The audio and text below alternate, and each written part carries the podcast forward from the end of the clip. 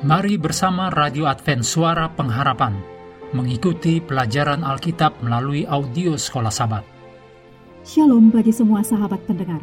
Kabar baik bahwa kisah dan kesaksian terkait siaran dan pelayanan AWR Indonesia kini dapat diikuti secara berkala, baik melalui siaran harian Radio Advent Suara Pengharapan, juga melalui YouTube dan Facebook AWR Indonesia.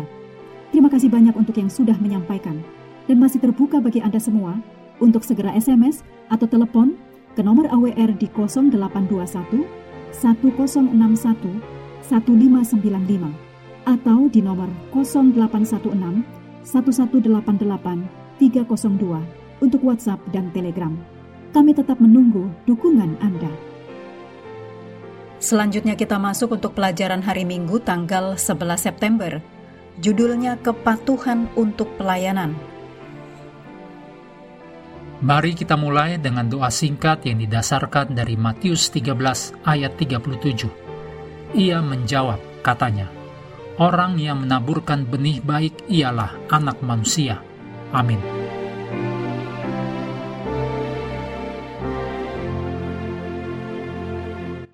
Mari baca Filipi 2 ayat 5 sampai 9 untuk memahami pekabaran penting bagi kita dalam ayat-ayat ini hendaklah kamu dalam hidupmu bersama menaruh pikiran dan perasaan yang terdapat juga dalam Kristus Yesus, yang walaupun dalam rupa Allah tidak menganggap kesetaraan dengan Allah itu sebagai milik yang harus dipertahankan, melainkan telah mengosongkan dirinya sendiri dan mengambil rupa seorang hamba dan menjadi sama dengan manusia.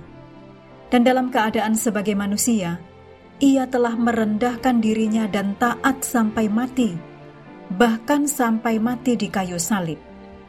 Itulah sebabnya Allah sangat meninggikan dia dan mengaruniakan kepadanya nama di atas segala nama.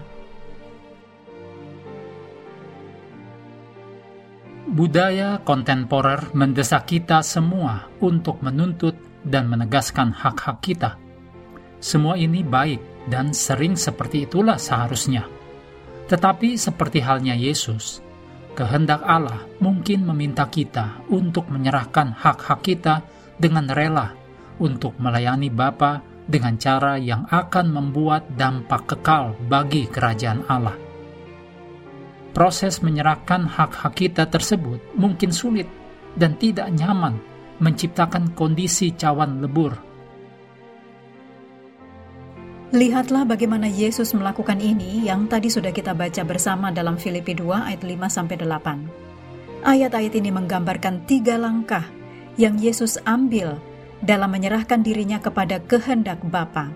Dan pada awalnya Paulus mengingatkan kita yang ditulis dalam Filipi 2 ayat 5 New International Version memiliki pola pikir yang sama seperti Kristus Yesus. Untuk dapat menyelamatkan kita, Yesus menyerahkan kesetaraannya dengan Bapa dan pergi ke bumi dalam bentuk dan keterbatasan manusia. Ditulis dalam Filipi 2 ayat 6 dan 7. Yesus tidak datang sebagai manusia yang agung dan mulia, tetapi sebagai hamba manusia. Ditulis dalam Filipi 2 ayat 7. Sebagai seorang hamba manusia, Yesus tidak hidup damai dan panjang umur, tetapi menjadi taat sampai mati. Bahkan dia tidak mati dengan cara yang agung dan mulia. Tidak, dia taat sampai mati, bahkan sampai mati di kayu salib. Ditulis dalam Filipi 2 ayat 8. Teladan Yesus ini perlu menjadi teladan bagi kita. Hak dan kesetaraan itu baik dalam kehidupan dan harus dilindungi bahkan secara hukum. Tetapi kembali ke Filipi 2 ayat 5 sampai 8 tadi, renungkan bahwa terkadang kita harus melepaskan hak dan kesetaraan karena penurutan kita kepada kehendak Bapa surgawi. Berdoalah memohon hikmat dari Roh Kudus dengan bertanya, hak apakah yang saya pertahankan saat ini yang sebenarnya dapat menjadi penghalang untuk tunduk pada kehendak Yesus dalam melayani keluarga saya, gereja saya, dan orang-orang di sekitar saya. Sejauh mana saya bersedia menanggung ketidaknyamanan untuk melayani orang lain dengan lebih efektif?